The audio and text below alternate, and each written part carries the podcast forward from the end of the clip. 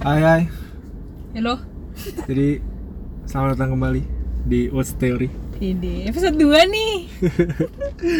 Gua gak tau bakal ada yang denger atau agak, cuman gak apa-apa Kita Gak pengen apa. sharing aja Ngobrol aja dulu. Yoi Dan di episode sebelumnya kita bahas Jordan Peele, karya-karyanya Yoi. Tiga karya besarnya lebih tepatnya Dan gimana, sekarang mau bahas apa Ti? Sekarang kita bahas Godfather. Kita tetap ya dengan angka 3. Kita bakal bahas 3 film Godfather. Oke, eh, jadi di sini bakal spoiler Iya. yang disarankan sebenarnya buat orang-orang yang udah nonton sebenarnya. Tapi nggak masalah sih menurut gua kalau emang lu belum nonton tapi lu udah dengerin ini karena sejujurnya filmnya tetap menarik gitu. Karena di posisinya kayak anggaplah gua pengen dengerin baru nonton pertama kali dan gue pengen dengerin peng- eh, kebetulan dengerin podcast ini, gue pasti bakal mau nonton lagi karena ada beberapa hal yang belum connect ternyata sama sama gue dengan film itu di, di ketika gue nonton pertama kali gitu sih Iya, tapi ya ini sebuah film klasik ya. Jadi gue juga nggak tahu sih siapa yang belum nonton. Aneh aja kalau belum nonton sih. tapi nggak apa-apa sih Iya, nggak apa-apa. Iya, mungkin nggak ada waktu kan itu tiga jam cuy eh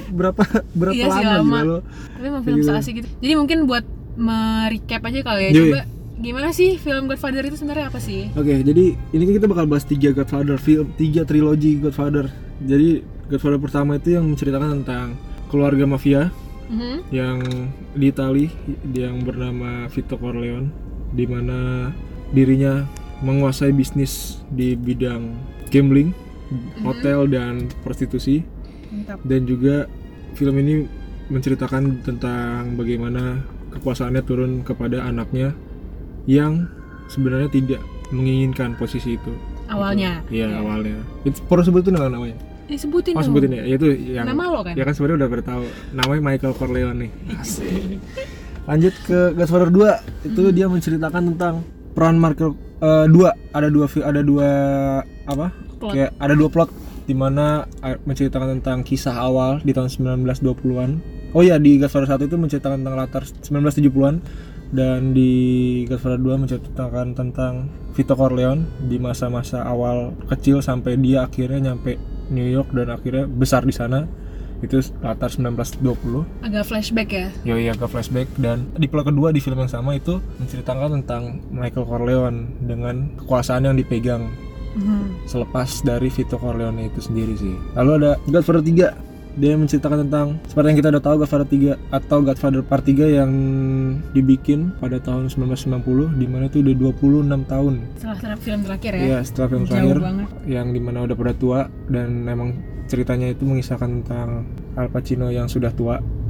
Al Pacino lagi gue ini Michael Corleone gimana Ya, apa kan yang main emang Al Pacino. ya yang di situ kayak menceritakan tentang masa-masa lalunya Mm-hmm. Mhm. dosa-dosanya yang selalu mengikuti dia dan tidak ingin hal itu terjadi kepada keluarganya dan akhirnya bertemu kembali dengan konflik dan bertemu dengan keponakannya yaitu anak dari Sony yang bernama Vincent Mancini Sony tuh abangnya dia ya. ya abangnya anak sulung ya anak sulung dari Anak Vito sulung Corleone Vito. gitu yang akan menjadi tangan kanan istilahnya Eh, di keluarga Corleone Tapi emang film ini tuh banyak banget hal-hal yang khas ya, yoi yang menjadikan basic bagi banyak film-film selanjutnya. Kayak misalnya Al Pacino, Al Pacino sama Michael Corleone ini menurut gue nggak bisa dipisahin gitu loh. Ya. Makanya lo juga tadi kan salah-salah nyebut ya. ya Selain itu, eh, menurut gue yang paling khas juga tone-nya, tone dari film ini. Jadi film ini tuh menciptakan sebuah kekhasan tersendiri di mana yang ditampilin tuh ada ha- warna-warna khas gitu loh. Kan, oke Jadi eh, kalau menurut gue dia pengen menampilkan film yang khas Itali. Jadi banyak pakai warna hitam, putih, kuning sama coklat. Pengen nampilin kayak dataran gersang di Sisilia gitu loh.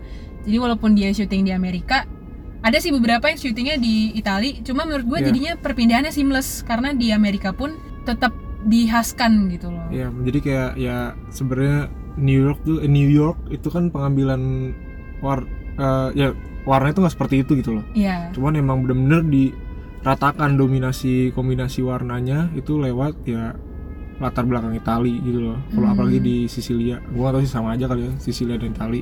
Iya. Yang oranye, coklat, putih, hitam itu udah identik banget dengan film Godfather gitu loh. Hmm, jadi mungkin menunjukkan gimana keluarga Corleone itu udah making home out, out of New York gitu loh, making Sicily out of New York. Yoi. gitu pengambilan gambarnya juga serupa bukan serupa mungkin dipengaruhi sama style tablonya Italia yang klasik gitu jadi Oh ya, ya jadi ngasih lihat settingan-settingan yang overview. Jadi ngeliatin gimana sih kayak lukisan-lukisan Italia yang klasik. Kayak misalnya lu bisa cek eh, classical Italian tableau, terus lu bandingin Spellnya sama gimana tablo? Ta- T A B L E A U X Ah. tableau gitu. Jadi itu Iya. itu namanya lukisan lukisan pemandangan gitu. Jadi pengambilan gambarnya itu eh, noticeable karena emang unik dan kalau misalnya memang belajar art history pasti langsung connect gitu loh kayak oh ngambil gambar itu agak terinspirasi dari tableau ya. Ya, history history apa? Inilah sejarah-sejarah Itali lah ya. Iya, sejarah sejarah seni lah. Sejarah seni Itali itu udah, ber- udah emang terhubung gitu loh. Iya, karena emang emang nyeni banget sih kalau menurut gue cara Iya. dia ngambilnya, cara dia ngatur tone-nya gitu. Gitu. Terus emang di sini juga kita bisa lihat pemeran-pemerannya nih Mm-mm. yang paling identik dan kelihatan apalagi kayak misalnya kalau kita ditanya Don itu apa siapa itu pasti kita pasti bakal tahu tentang Michael Corleone dan Vito Corleone gitu loh Iya. ya nggak sih Iya iya iya. Yang bikin cerita family mafia jadi terkenal tuh menurut gue ya ini kan Godfather. Iya. Jadi dia kayak benar-benar jadi influence ke Itali Italian tuh jadi suatu hal yang terkenal gitu. Iya. Jadi masuk dalam popular culture. Terus eh, pem- pemerannya siapa sih Vito? Vito Corleone itu ini Marlon Brando eh Mar- Marlon Brando. Iya. Marlon Brando Khas Marlon banget kan Brando suara siapa dia. sih gue lupa ya Welcome. kayak gitu lah gue gue aja nggak bisa Extra. sih kayak siapa lagi siapa emang ada lagi ya aktor yang bisa pakai bikin suara kayak gitu Enggak, makanya jadi khas banget. Jadi makanya gue bilang udah nggak bisa dipisahin antara Marlon Brando dengan Vito Corleone Corleone. dan juga Michael Corleone dengan eh, Al, Oh, Pacino. iya. Al Pacino. Karena sehas itu ya nggak sih? ya Jadi menurut gue sangat berhasil sih mereka meraninnya. dan gue nggak bisa ini sih kayak gue shadow juga buat figurannya Hmm. karena figuran ini sangat memberikan dampak besar terhadap film ini dimana ya kalau kita apa kita tahu nih film-filmnya banyak banget melibatkan maksudnya kayak banyak banget scene-scene dimana ya jalanan di Amerika yang Hmm. tapi isinya orang-orang Italia semua dan itu Sisilia juga Ya. dan apalagi vid- figuran yang eh, apalagi yang ada di nikahan Connie di film pertama itu tuh lu Oh, bener-bener ngasih lihat ya. kayak figuran itu bener-bener ngasih lihat kalau mereka juga peran penting gitu loh Hmm. gitu nggak nggak cuman asal-asalan tapi benar-benar kayak ngasih lihat kalau gue harus hidup Ya. sebagai unda- orang yang diundang dan itu benar-benar suasana Itali gitu Hmm. karena ya terlepas dari pemeran pendukung dan pemeran utama yang tampil menciptakan suasana Itali ya nggak bisa ki- menciptakan secara utuh kalau Iya. figurannya juga nggak bisa bekerja seperti itu kayak gitu sih Hmm. Ya dan ngasih lihat juga sih ada persiapan sebelumnya. Jadi bukan cuma cameo-cameo yang asal gitu ya. iya iya Karena banyak banget detail-detail pernikahan itu yang melibatkan banyak orang dan lo Ya. bisa lihat perubahan-perubahan dan apa aja yang dilakukan selama eh, Italian wedding gitu. iya kayak gitu sih Keren sih ya. dan pemeran pendukungnya itu nggak kalah oke ya kita Ya. kan tahu ya jadi pemeran utamanya siapa sih Di- di film pertama sih Vito Corleone kan Ya Vito sama Michael kan. oh itu berdua ya Ya. Emang pemeran utama bisa dulu ya? Bisa lah. Oh bisa. Berarti bisa semua kali aja semua pemeran utama gue dulu ya. Dialog semua. Bukan. Ya. Ya banyak sih kayak consigliere si Tom Hagen. Tom Hagen itu kan juga perannya gede banget ya walaupun sebenarnya munculnya sebentar-sebentar tapi dia selalu kayak either dia ngasih support atau dia ngasih jalan keluar atau dia ngasih nasehat ya emang itu kan uh, fungsinya konsilieri Dia Tapi- muncul di ini momen krusial gitu loh. iya selalu muncul dan selalu ada ngasih support buat keluarga dan dia Ya. ju- juga udah kayak udah diangkat jadi bagian keluarga Corleone gak sih sebenarnya Tapi dia nggak bisa bawa nama Corleone. Maksudnya kayak dia masuk di dalam keluarga doang gitu loh. ya tapi dia udah jadi bagian penting kan Iya iya. itu juga dia keren banget sih karena menurut gue semua hampir semua peran itu berkembang dan ada banyak fluktuasinya cuma Tom Hagen doang yang ngasih eh, stagnansi atau kestabilan gitu loh dia selalu stabil perkembangan peran dia tuh dengan jadi stabil gitu loh dia Iya. selalu ada dan ngasih support bahkan ketika Vito udah meninggal dia ngasih support juga buat Michael Dan ini gue juga gue sebenarnya paling suka nih sama Tom Hagen. Mhm. Maksudnya karakter Tom Hagen. Apalagi yang memainkan karakter Tom Hagen itu sendiri. ya karena kalau kata orang emang stag- stagnan tapi emang bener-bener dia ngasih lihat kestabilan dia ngasih lihat kekuatan dia dimana Hmm. dia bisa tetap handling pressure gitu loh apalagi kayak lu tau lah eh, momen dimana Godfather 1 atau 2 gue lupa yang dia diculik oh iya ya? sama siapa Tatalia Tata Tata Glia Tataglia. Tata Glia gue nggak tahu gimana ngomongnya itu kan lu harusnya ya bisa dikasih bisa jadi dua respon kan orang yang diculik itu bisa jadi kayak dia berani atau enggak dia emang ketakutan tapi dia ngasih lihat keberanian dia tuh bukan menjadi seorang seolah pura-pura gitu loh iya kalau dia tuh acting tapi ini kita tuh kasih lihat kalau kita bisa lihat dan dia ngasih lihat kalau dia tuh emang tenang gitu loh ya dia ngasih lihat kualitas seorang consigliere bagi Iya. keluarga Corleone itu sangat bagus gitu kayak gitu dan emang dia visioner banget sih gitu loh maksudnya Jadi- dan sangat loyal Iya. ya masa visioner tuh eh, vi- eh, dia visioner pas ini yang yang diculik sama Tata Glia itu Mm-mm. ya maksudnya kayak dia tenang banget karena tenang tuh kayak kalau dia nggak mungkin kayak dia, dia berpikir kalau dia nggak mungkin dibunuh karena kalau dibunuh ya keluarga lu semuanya bisa habis juga sama ya sepenting itu Corleone posisi dia iya jadi kayak dia santai-santai aja gitu kayak gitu sih menurut gua Iya, iya, iya. Nah, lu bilang lu suka nih sama Tom Hagen. yoi suka banget gua Siapa nih top 3 pemeran yang lu suka deh dari film? pemeran ya bukan karakter kalau Iya, pemeran ya udah pasti yang meranin Vito Corleone itu Marlon Brando di Lu suka Godfather Marlon Brandonya atau 1 Marlon Brando lah gila Oh, oke. Ryan Blender. ya. Tapi maksudnya ditambah dia akhir ternyata memerankan Vito Corleone itu udah kayak ngelock posisi Vito Corleone kalau ada film-film remake tentang Godfather ini Iya. yang bawa-bawa remake bawa-bawa Vito Corleone gitu kayak lu harus ya syaratnya cuma satu lu harus cari orang yang seperti gitu. Enggak sih, syaratnya cuma satu, lu Marlon Brando udah. Iya, oh iya seperti itu. Iya, iya, iya, iya. Nggak bisa seperti sih. Enggak bisa. Iya, suaranya juga bisa beda soalnya. Kayak gitu. Dan- Terus Eh, kedua gue ya Al Pacino lah udah pasti dia benar-benar ngasih lihat perkembangannya mesti kayak gimana karakter dia berubah gimana dia ngasih lihat kalau dia seneng dia sedih dan dia dingin terhadap sesuatu itu udah pasti sih dan yang ketiga ya yang meranin Tom Hagen sih itu sebenarnya ada lagi sih ada lagi satu lagi di Godfather ini yang kayak seri itu di peringkat tiga yang meranin Tom Hagen sama yang meranin pembunuh pembunuh berantai bukan pembunuh berantai pembunuh bayaran di Godfather 3 ya, itu yang dia berperan jadi ya dia berperan jadi pembunuh bayaran terus dia pura-pura jadi priest priest. Pendeta. Apa namanya? Pendeta pastor. iya pastor Iya, gitu itu keren sih. itu itu cuman dikit sebenarnya sini cuman kayak menurut gua kayak berbahaya gitu Impactful loh ya. Hmm. impactful gitu loh di film Godfather 3 gitu sih kalau menurut kalau lu gimana Gua nomor satu tetap ya siapa sih yang bisa nandingin Marlon Brando nggak ada Iya, coy. iya. yang Susah, kedua susah. Al Pacino karena dia Al Pacino Ya. ya ganteng banget udahlah tolong help me please dan emang acting dia gimana ya karakter development dia tuh sangat bagus gitu loh selama tiga film Godfather ini jadi selalu hadir dan selalu jadi pemeran utama kan iya nah karakter development itu ada banget gitu dan naik turun fluktuasinya tuh menurut gua seamless tapi juga impactful dan aduh gimana ya udah jatuh cinta lah gue yang terakhir tuh yang main jadi Kay Oh, oke ya kenapa tuh Eh, gimana ya menurut gua dia mungkin bisa dibilang sebagai pemeran pendukung tapi dia punya impact yang gede iya dan gimana ya menurut gua acting dia tuh selalu stabil tapi juga fluktuatif jadi dia ngasih banyak sekali impact ke Michael iya ke Michael yang akhirnya semua keputusan-keputusan dia tuh seringkali didasarkan kepada eh, nasihat-nasihatnya Kay gitu. Oke. Ya emang sebenarnya kita juga lihat kalau di to- di film tuh kayak itu memang lebih banyak interaksinya sama anggota keluarga Corleone tuh yang cuma nama Michael sebenarnya Iya, Kak, seingat gue tuh nggak ada dia ngobrol sama Sony. Maksudnya kayak ngobrol yang dalam mm, tentang keluarga atau bisnisnya tuh dengan Sony atau Connie atau Fredo atau siapapun.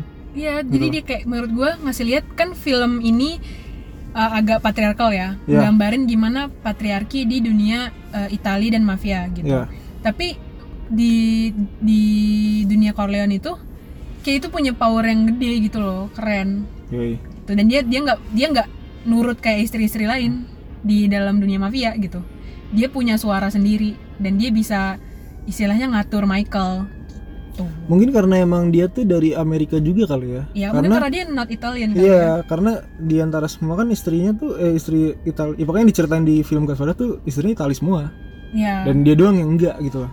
Mungkin Makanya- Fredo, ya mungkin Fredo juga punya istri kan. Gue lupa siapa iya namanya. iya iya iya. itu ya mungkin itu pengecualian ya Mm. beda beda beda ini dia kan ditemuinnya di Las Vegas gitu sih ya emang sekarang itu sih kayak menurut gua dan ini sih apa namanya pengambilan gambar itu oke banget bukan oke banget malah udah kayak bisa dibilang sempurna bisa Iya, a work pas of a master iya master banget dah yang bikin iya jadi gue suka banget setiap setiap scene-nya setiap shoot-nya Tapi emang karena gimana? emang Iya. semua shootnya tuh meaningful gitu loh karena nih dia tuh menggunakan permainan lighting ya itu nam- eh, ada teknik tersendiri namanya chiaroscuro balik lagi nih ke pelajaran seni guys iya. asik. jadi chiaroscuro itu adalah sebuah teknik pengambilan gambar ketika lo memainkan shadow dan eh, highlight oke jadi mana yang mau lo tonjolkan mana yang mau lo sembunyikan oke kalau lo perhatiin eh, Vito Corleone dari awal matanya lo nggak pernah bisa lihat jadi lo nggak bisa nebak dan see through him gitu loh lo nggak Nah. bisa tahu ekspresi dia apa dia ngerasain apa dia lagi mikirin apa lo nggak pernah bisa tahu itu juga gue mau nambahin dikit tentang Hmm. Vito Corleone tuh buat Vito Corleone doang itu sebenarnya ditam di selain shadow yang benar-benar ngedukung itu juga make up juga berperan penting oh ya karena make up kan itu make up buatan yang bikin dia jadi benar-benar Hmm. setua itu kayak kalau lu tahu tuh aslinya kan ganteng banget ya guys. giginya giginya kan itu dibikin juga Iya. dan matanya itu ke bagian kelopak itu emang bener-bener di set supaya kayak makin gelap lagi ditambah Ya, shadow sengaja buat menambah iya menangkap shadownya ya kayak gitu Ya, kayak gitu makanya kayak permainan sekecil itu gitu loh jadi ketika lo notice itu jadi suatu hal yang wow segitunya ya Yoi. tapi memang itu menghadirkan eh, feel lo nggak pernah bisa menebak dia lagi lagi kenapa jadi dia tuh selalu steady selalu stabil gitu sebagai seorang don memang dia harus eh, apa namanya selalu stabil dan selalu eh, bisa gitu loh mengatasi masalah apapun yang datang gitu. dan itu emang sebuah marter- masterpiece yang diciptakan oleh sinematografernya namanya Garden Willis ya Gordon itu Willis tuh yang jago banget ya. di speak speak oleh banyak buk nggak gua nggak tahu sama siapa pokoknya sama, di dunia film itu dia disebut sebagai Prince of Darkness Widih, karena permainan lighting dia selalu lightning shadownya itu gua nggak- sebenarnya nggak terlalu ngerti banyak cuman ya kita bisa lihat di film lah gitu Iya, loh. gimana fi- eh, shadownya ke- bagaimana kayak shadow dan light lighting itu muncul itu emang ciri khas dia sih ya ya dan dia juga eh, pas Michael Michael pertamanya kan dia memang nggak mau ya awalnya dia nggak Iya. mau ngambil peran jadi don kan dia nggak mau ngambil peran dalam dunia mafia malah yoi kan dia soldier yoi awalnya nah itu pas awal dia datang di pernikahan kan lo bisa lihat muka dia cerah ya jadi kayak suasana juga cerah semua Oh, iya suasana cerah semua tapi lama kelamaan dan bahkan sampai ketika dia pertama kali ngebunuh ya yang dua orang itu Salazzo sama polisi kepala polisi gitu kapten gitu. Iya. polisi itu kan udah mulai gelap muka Iya. dia udah mulai ada shadownya udah mulai diliatin ada kegelapan creeping in gitu loh ke dalam Iya. dia pas dia udah jadi don mata dia pun udah kayak Vito take-nya tuh selalu uh, overshadowed gitu loh matanya ya jadi menunjukkan kualitas dia sebagai don tuh udah mulai naik gitu ya emang bisa dilihat sih kayak dari kelopak mata apa kayak dari shadow di kelopak mata tuh kayak belum kelihatan gelap enggaknya Hmm, gitu dan Dikit. take take film ini juga didasarkan ke lukisan-lukisan klasik lagi nah itu itu urusan luti coba ceritain Iya, ya untung ya gue belajar lukisan Yoi. Jadi eh, banyak banget take-take yang meniru lukisan kayak misalnya eh, Mona Lisa itu ada yang ditiru apa namanya eh, komposisinya. Udah Sama- gitu sama siapa sih itu Pak Op- Apollo Apolonia. Apolonia, Apolonia, istrinya iya, si FYI. Michael pertama Jadi kan Michael tuh eh, sempat dikirim di Godfather pertama ya. Iya. Michael Nah, dikirim ke Sicilia Sicily. Sicilia tuh Sicilia sih Sicily bahasa Inggrisnya bang. oh Sicilia bahasa Bahasa Inggris Indonesia Sicilia. ya iyalah Nah dikirim kan dua eh, Itali Italia Italia Italia. Amerika Ameriki Udah oh, enggak. terus Terus eh, dia dikirim ke sana dan akhirnya dia sempat nikah sama cewek dari Italia kan, namanya Apolonia. Itu Apolonia. istri pertama dia. Jadi FYI Kay itu istri kedua dia. sebenarnya cinta pertama tetap di K Tetep Kay, tetep Kay. Cuma cuman kan istri legal pertama ya jadi eh, ketika Apolonia kena bom yang harusnya itu buat Michael, tapi dia kena bom dan meninggal Apolonia. Dua tahun kemudian Michael kembali ke New York dan dipersiapkan jadi Don. itu Michael kembali ke New York kan emang kebutuhan kebutuhan Kan karena dia udah safe, tadi kan dia kagak di bukan Itali. karena udah safe emang udah safe ya oh emang udah Kan safe dia awalnya dikirim ke Italia iya iya iya iya. karena mau dibunuh. iya iya iya Akhirnya bapaknya berdamai, Michael balik. oh iya iya iya. Lalu mulai nah ditambah persiapan. lagi kan pas bapaknya dibunuh pas ditembak di situ Ya, maksudnya bapaknya udah kritis di situ kan Hmm. Iya, di bapaknya Bali. kritis. Iya, ditambah bapaknya kritis Iya, begitu. ya ya Ngomongin apa tadi? Oh, eh, iya itu jadi lukisan Mona Lisa itu digambarkan seperti Apolonia. Apolonia itu digambarkan kayak cewek stereotipikal cewek lah, cewek perfect gitu. Oh, oke Gitu. Dan dia juga banyak niru lukisan-lukisannya Rembrandt dan Caravaggio. Jadi, yang main shadow ya ya Caravaggio itu adalah pelukis dari Spain yang benar-benar sangat-sangat terkenal nih bahan skripsi gua nih. oh mantap Jadi dia adalah salah satu pelukis yang menggunakan teknik chiaroscuro ini, yang lighting eh, lighting lightingnya Shadow dimainin. main dengan Menemukan banyak shadow ya sangat intricate dan ribet gitu. Jadi kalau misalnya kalian mau cek eh, lukisannya eh, Caravaggio ketika Yesus diseret dan dibunuh, terus bandingin ke pembunuhannya eh, siapa? ya? Yang dicekek? Membunuh ini Gua lupa lagi.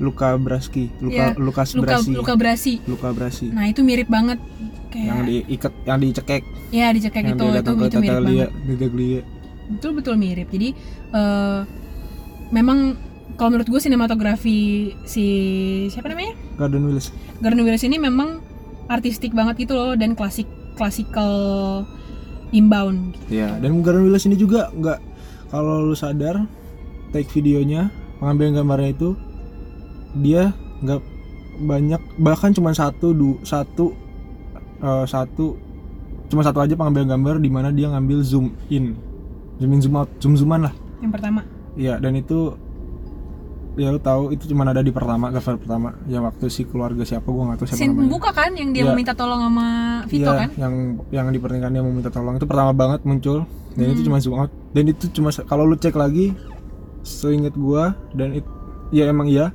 itu cuma satu-satunya pengambilan gambar dia pakai zoom in eh zoom out zoom zooman pokoknya Zoom-zooman. dan ngambil far view yang ngambil dari helikopter dari atas ke bawah kayak kita pakai android ya iya ya kayak gitu itu cuma sekali kok sekali Android sih ya apa sih drone drone kok android sih anjing astaga ya itu loh pokoknya itu cuma sekali juga antar sekali atau enggak sama sekali gue lupa tapi Hmm.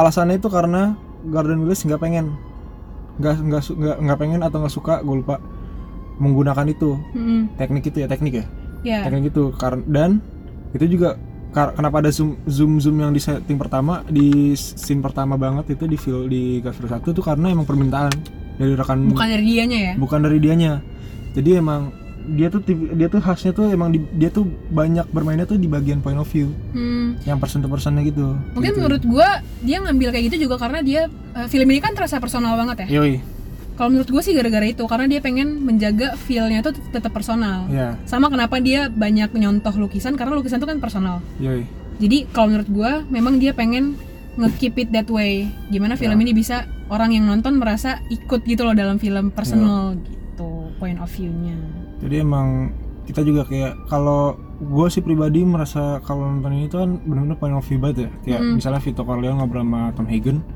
itu kayak kalau Tom Hagen ngomong ya kita di posisinya tuh kayak di posisi Vito Corleone yang dimana seatnya tuh kayak di samping pundak kiri atau kanannya Vito Iya. Corleone gitu loh Heeh. Kayak gitu sih jadi kayak kita merasa kayak kita merasa penting juga gitu ngedenger harus ngedengerin ini omongan gitu sih menurut gue ya sih dan emang emang kalau gue menurut gue sesuai sesuai banget gitu loh sama tahunnya dan feel-nya gitu ya dan emang kita bisa tahu juga di bagian-bagian dimana kayak ledakan Apollonia dan spray-spray tembakan Heeh.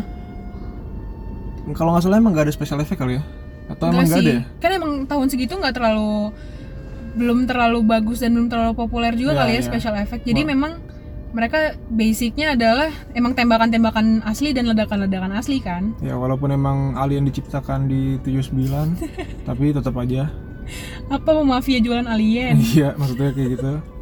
Siapa tahu kan ada green screen ternyata emang gak ada ya setahu gue juga emang gak ada green screen kan. ya emang nggak Maksudnya butuh special juga effect. mungkin ya. Karena emang ya balik ke situ lagi personal. Jadi Iya, eh, handgun pun selalu dipakai kan. Maksudnya nggak nggak terlalu banyak pakai machine gun. Mungkin ada beberapa di mana sih? yang pembantaian Sony. Iya pembantaian Sony udah pakai machine gun. Cuma lebih banyak yang personal gitu. Iya. one to one pakai handgun gitu kan Ya kenapa handgun tuh kan karena emang bisa dikantongin dan emang yang kayak bisa menyerang secara dekat ya handgun, Iya pistol. dan emang pada zaman itu mungkin ya dan emang khasnya mafia bisnis is personal kan Yoi. jadi makanya kayak gitu cuma mungkin ada beberapa penggunaan Gatling gun dikasih lihat mungkin karena itu kan khas juga ya buat mafia Ya, senjata. Gatling gun jadi cuma dikasih Senjata api. lihat kayak yang ngejaga atau dibawa doang gitu loh Gatling gun Iya. nunjukin power mafia doang kan Ya, cuman terlepas dari itu ya pemimpin kebanyakan kalau emang gunain ya cuma pistol doang. Masa Iya. orang-orang yang makin tinggi biasanya tuh yang megang-megang senjata gede itu biasanya yang ininya anak-anak buahnya. Suruhan-suruhan ya? Iya. Kayak gitu. Kayak Main nggak power mungkin lah. nggak mu- sebenarnya kayak ya nggak mungkin juga sih Vito Corleone megang basoka kan. Mm-mm. Aneh juga gitu kan buat apa gitu kan. Iya, yang nyuruh ne- yang megang kendali buat disuruh nembak nyuruh nembak atau enggak kan dia juga gitu Iya, ngapain karakternya udah kayak gitu ya. iya kayak gitu sih Mungkin karena nggak banyak special effect jadi murah kali ya. Oh, enggak juga sih maksudnya kayak ya kita kan tahu deh special effect-nya kayak bom yang tadi bomnya Hmm. si Apollonia mobil-mobil bom terus spray tembak-tembakan entah itu Oh, ini iya. juga deng kan scene-nya ada eh maksudnya lokasinya dua kan Amerika sama Amerika sama iya. Italia. Sicilia Ya lumayan sih. tapi se- ini ada sebenarnya ada juga sih mechanical effect yang lumayan mahal helikopter Black Widow tiga Iya. itu mahal tuh yang si Tapi itu ntar masih kayak udah udah 26 tahun setelah gitu. Iya loh. sih, maksudnya kayak ya tetap sih di Godfather 3 juga masih menggunakan mechanical e, mechanical effects mm, apa? Sedangkan di tahun itu setahu gua udah cukup ada gitu loh Hmm. penggunaan ef- special effect gitu. Mungkin menjaga personality filmnya lah ya. Ya, menjaga iden- eh, apa ya bilang ya?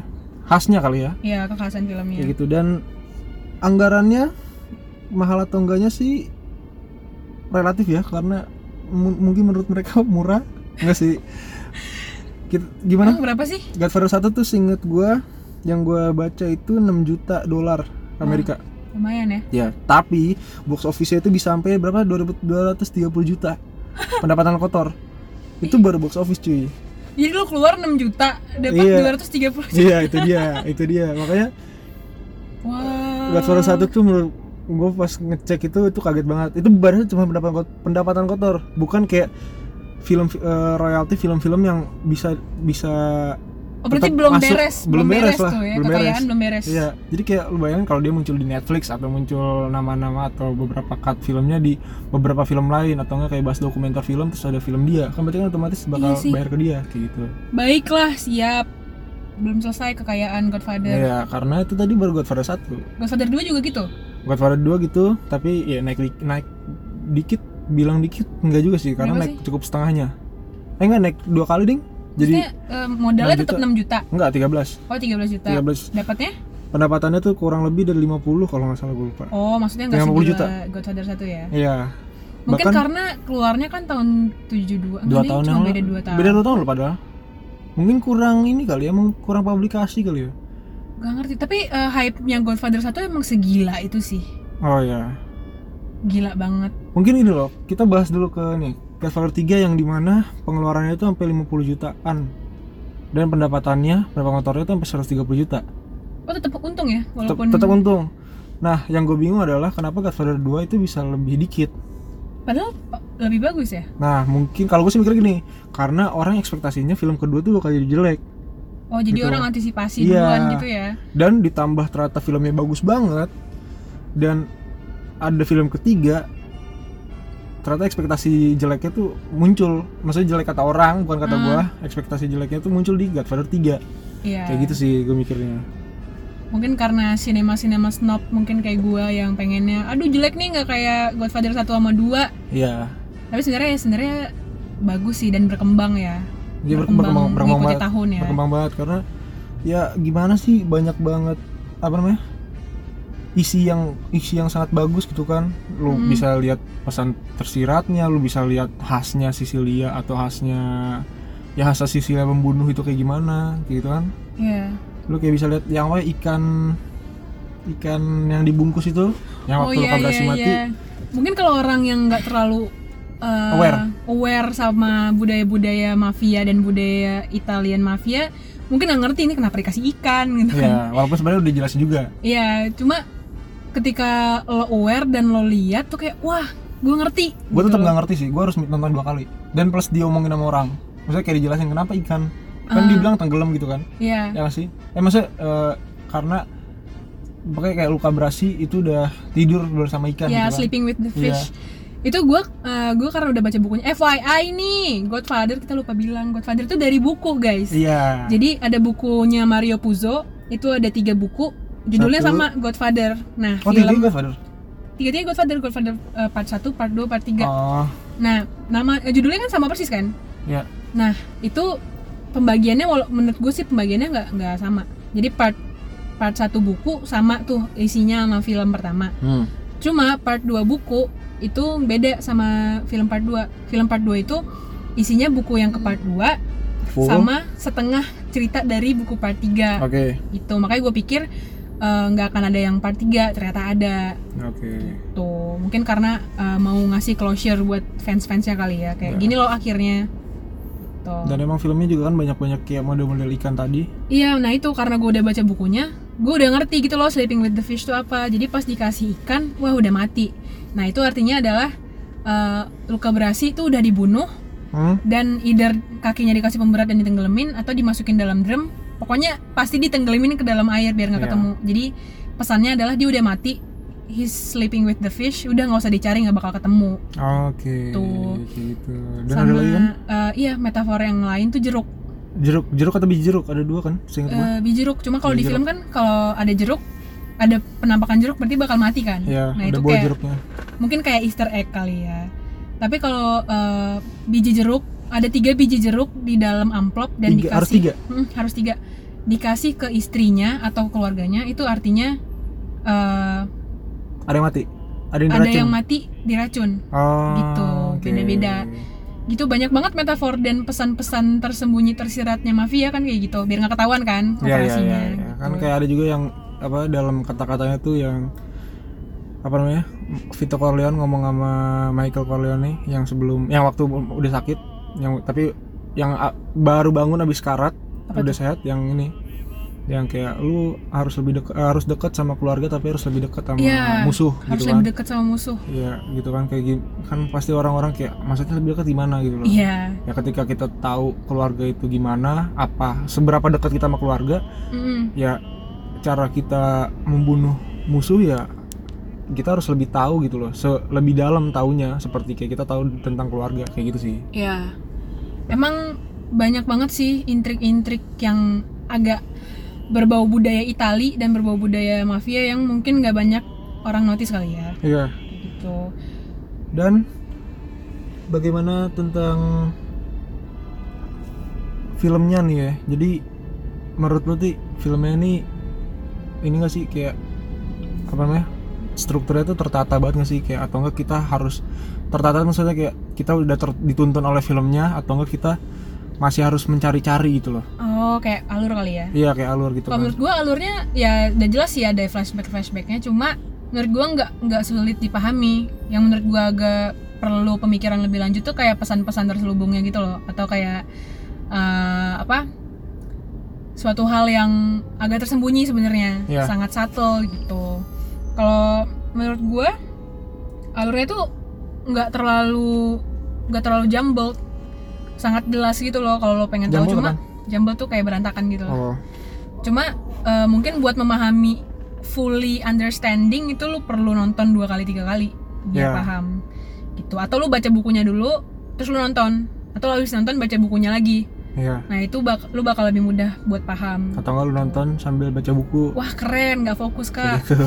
jadi boleh maksudnya kayak setiap detik lu pahami terus baca baca pahami eh, baca Ah. Mantap, visual baca mantap. visual kayak gitu 30 boleh jam. tuh iya terus em, apa ya bilangnya tadi struktur gue juga setuju sih tapi kayak emang kita benar-benar dituntun dan sebenarnya ada yang rada ngacak sebenarnya nah tuh kayak emang maksudnya kayak sini kemana gitu loh Hmm. tapi kita lebih gampang mengenalinya karena kita tahu karakter-karakternya Mm-mm. lebih gampang dikenal karakter-karakternya ya karena gue tahu kayak beberapa film kayak drama atau misalnya crime yang lu ngelibatin semua orang berdasi dan berjas Mm-mm. dan mukanya kayak anggaplah Amerika yang mukanya cenderung sama ya itu kan kadang susah gitu loh Hmm. walaupun sekalipun itu filmnya sebenarnya dituntun lurus doang kayak Hmm. gitu loh tapi kalau di sini tuh kita bisa tahu gitu loh muka-mukanya tuh khas oh kalau ini tuh oh ini si Clemenza an- yang Iya. co-foundernya sama si Vito Corleone dia lagi ngobrol apa lagi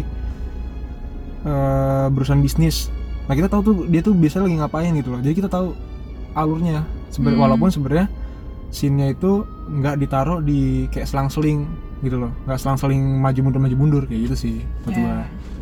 ngerti sih ngerti Iya. cuma ya itu eh, banyak menurut gue film ini banyak layernya gitu loh jadi apa yang lo apa yang lo pahami secara umum sama apa yang lo pahami secara mendalam tuh bisa beda Iya. gitu dan semuanya tuh kayak fakta-fakta yang terkubur di dalam layer-layer itu tuh sebenarnya semuanya berujung pada satu cuma kan kayak ketika lo bisa paham atau tahu hal-hal yang tadinya lo nggak ketahuin kayak oh ya ampun gitu loh kayak lo baru sadar Iya.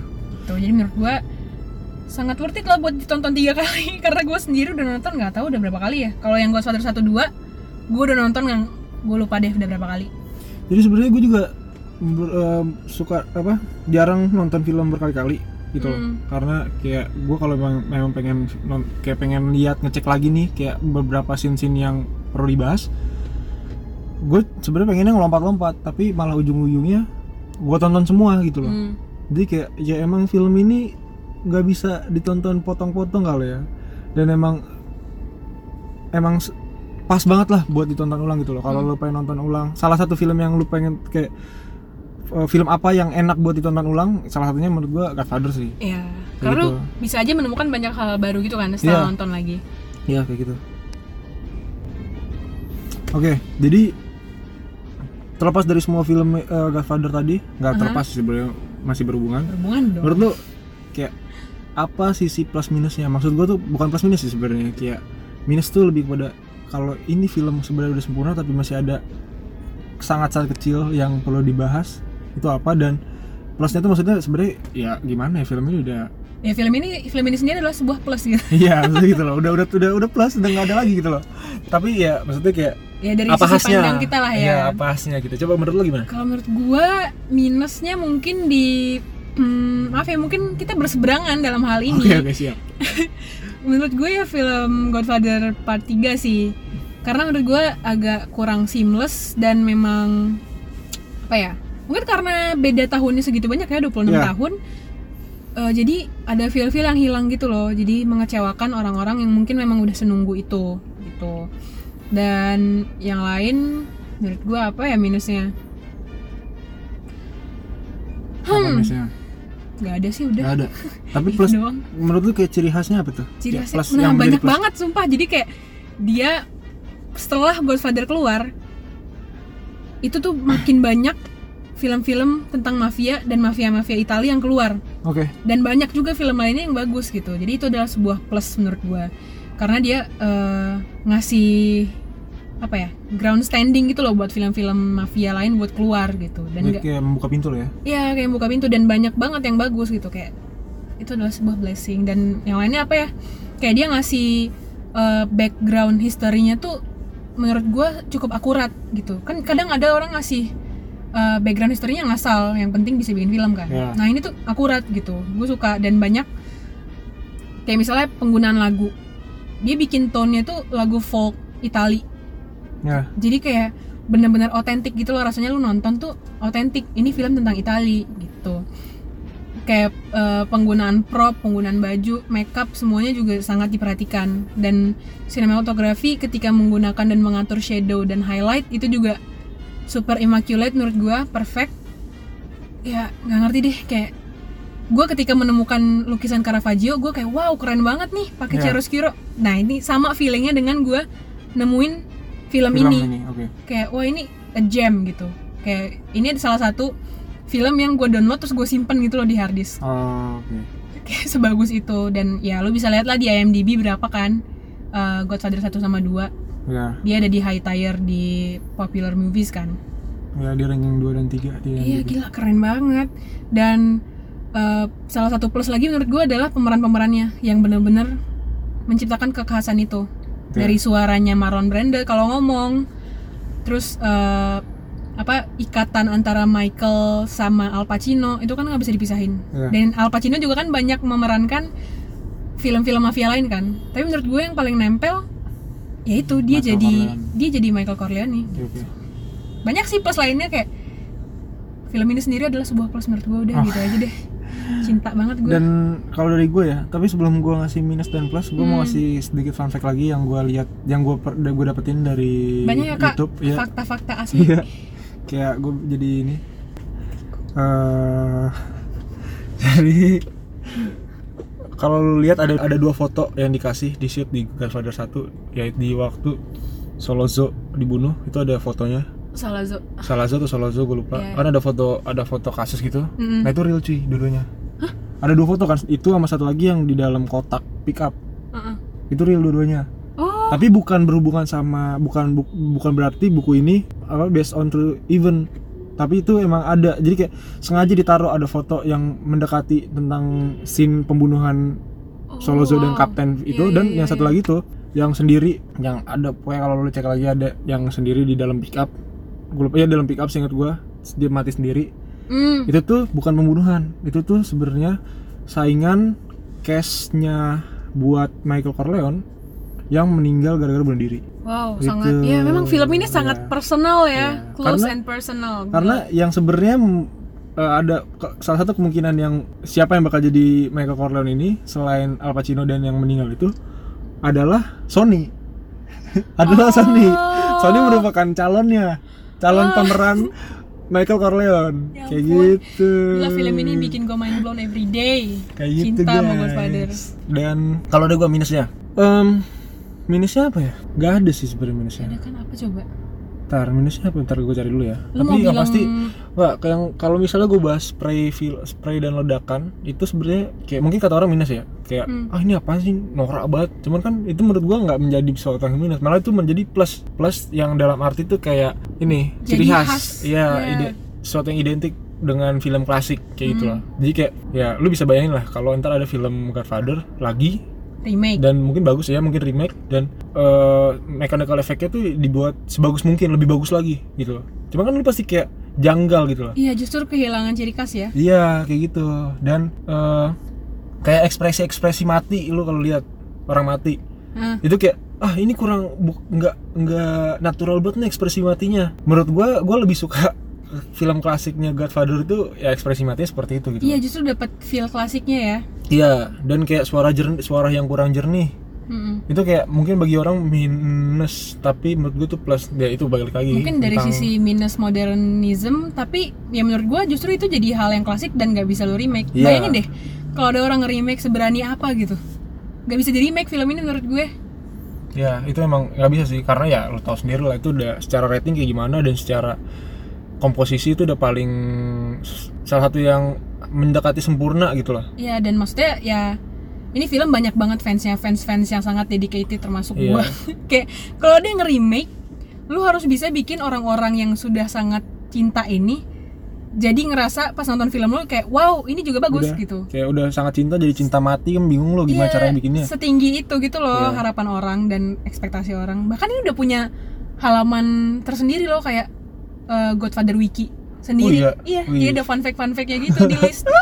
gila kayak ya gitu banyak banget fans-fansnya dia gitu iya dari dan buku-bukunya juga kayak, ya gue saranin baca sih bukunya karena gue baca bukunya duluan sebelum gue Oke. nonton jadi gue nonton dong sih gue nggak baca buku nah gimana lama kan. sebagus itu filmnya gue udah baca bukunya aja gue pas nonton gue suka gitu loh iya keburu jadi don gue kalau baca bukunya masih lama banget anjing. Don John gitu jadi kayak eh ya silakan sih sebenarnya kalau kalau ada orang yang pengen remake tapi ya pastiin siapa yang memerankan Vito Corleone Iya, sebenarnya nggak dan bisa sih sumpah Michael ngapain Corleone ya ya harus itu orang yang sama gitu loh Udah- bukan udah tua bukan guys. bukan orang yang seperti ya orang yang sama gitu loh ya, ya gini dah ngapain nih kalau lu dapat ulangan udah nilainya udah 10 lu Yo. ngapain remet iya Iya nggak Lu sih? kurang sampai berapa 11 bingung juga kan lu kalau udah 100 mau jadi Jadi salah kayak- satu mending lu bikin film yang terinspirasi dari ini deh karena iya udah almost impossible buat nge-remake film yang lebih bagus daripada film aslinya. kayak gitu tapi Iya. Kalau- bukan berarti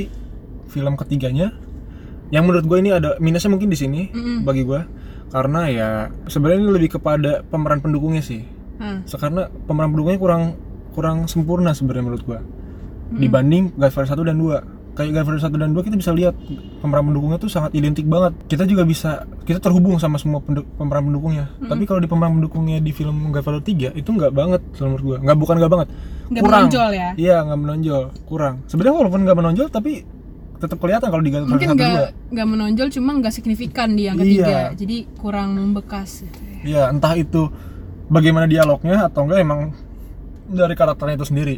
Ya. Kayak gitu itu minusnya sih. Tapi menurut gua Godfather 3 ya oke sih buat gua. Gue Hmm. senang senang aja nontonnya karena ya nggak masalah gitu loh. Karena itu bagian dari bagian dari sejarah film Godfather gitu loh. Iya. jadi kayak mung- kayak banyak orang dan gue juga sebenarnya nggak sempat nggak nonton nggak pengen nonton Godfather 3 karena kayak ah ratingnya jelek gitu kan tapi kayak gue pikir-pikir dan Judgmental lah. ya gue nonton ya ternyata nggak ada salahnya jadi kayak gue saranin sih lu buat nonton aja karena tetap bagus gitu loh tetap bagus dan kalau oh ya ada lagi fun fact nih tentang nggak fun fact sih gila ini mah analisis Kakak saja. penuh dengan fakta-fakta asik. Iya, jadi kalau lo tahu lo bisa cek ending tiga ending dari film ini Mm-mm. itu tiga-tiganya adalah sebuah pembantaian, pembunuhan Hmm. yang dimana itu ide untuk menyelesaikan masalah sem- dari setiap filmnya. Untuk mempertahankan family of Corleone kali ya. Iya, karena kalau lu sadar tiga-tiga film tiga film ini akhirnya itu semuanya sama terhubung. Heeh. Film pertama itu kasusnya tentang konflik dengan empat keluarga lainnya Iya. dan semua kepala empat keluarga itu dibunuh Iya. di akhir. Hmm. Di kedua berhubungan sama pengkhianatan Hmm. yang dimana anggota keluarga sendiri dibunuh di akhir. Iya. Yang ketiga itu di mana yang gue lupa siapa musuh yang lu siapa namanya itu gue lupa yang naik yang naik helikopter itu yang bantai Ha. itu kan jadi musuh utama dan sekte eh sekte Priest. kelompok salah satu oknum yang ada di Vatikan pris yang ada di Vatikan itu dibunuh di akhir Mm-mm. Kayak itu tuh nah itu semua berhubungan dan itu gue suka banget sih kayak itu ciri khas banget dari Godfather tiga tiganya itu benar-benar kayak lu banyak konflik lalala sini sa- sana sini sana sini di akhirnya dibunuh semua gitu loh Iya.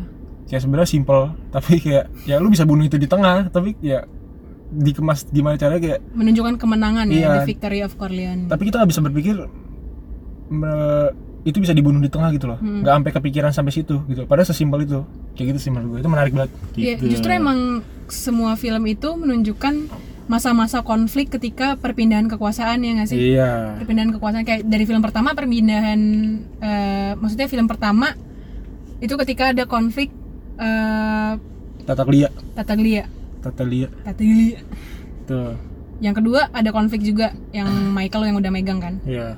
Yang Itu per- ketiga- pengkhianat, ya. Hmm, yang ketiga ketika Michael mau menurunkan usaha ke anak-anaknya Lebih kepada legitimasi sih.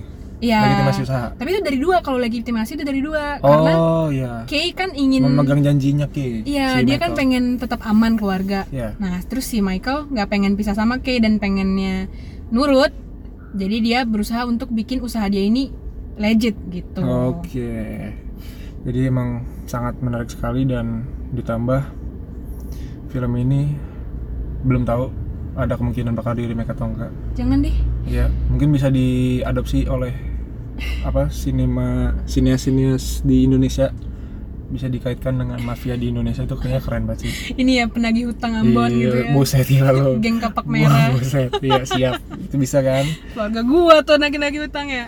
Kayak gitu. Terus mungkin eh, nggak lebih ke ini kali ya kalau pengen udah nonton terus want more gitu. Yoi. Mungkin kita kasih rekomendasi film-film yang feel-nya serupa kali ya. Iya, jadi kayak mm, rekomendasi kit- yang bakal kita kasih kan itu bukan soal kayak yang seperti Godfather doang, Hmm. tapi bakal ada beberapa aspek yang rada spesifik dikit yang bisa menjadi rekomendasi seperti kayak yang pertama udah pasti rekomendasi film buat yang suka genre kriminal politik Hmm.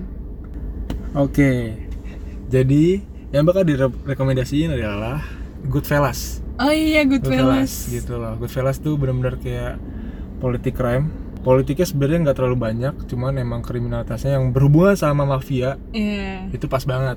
Dan yang tone buat orang-orang yang suka tone seperti Godfather kayak kombinasi warna orange, Iya. Artsy-artsy block, gitu ya eh, block, take-nya. brown, black, hitam atau enggak putih Itu adalah Doni Brasco nonton Yoi, guys. itu filmnya- yang yang main juga Al Pacino, tapi Al Pacino-nya sudah tua. iya ya, dia mainnya sama Johnny Depp. Udah nonton deh perkumpulan Iya. orang-orang ganteng itu. Tapi keren sih filmnya bukan ganteng doang. Beneran deh. dan eh, ada lagi sele- eh, film yang kayak spesifik buat apa namanya Mafia Nisma. ya mafia keluarga mafia itu apa Narkos dong.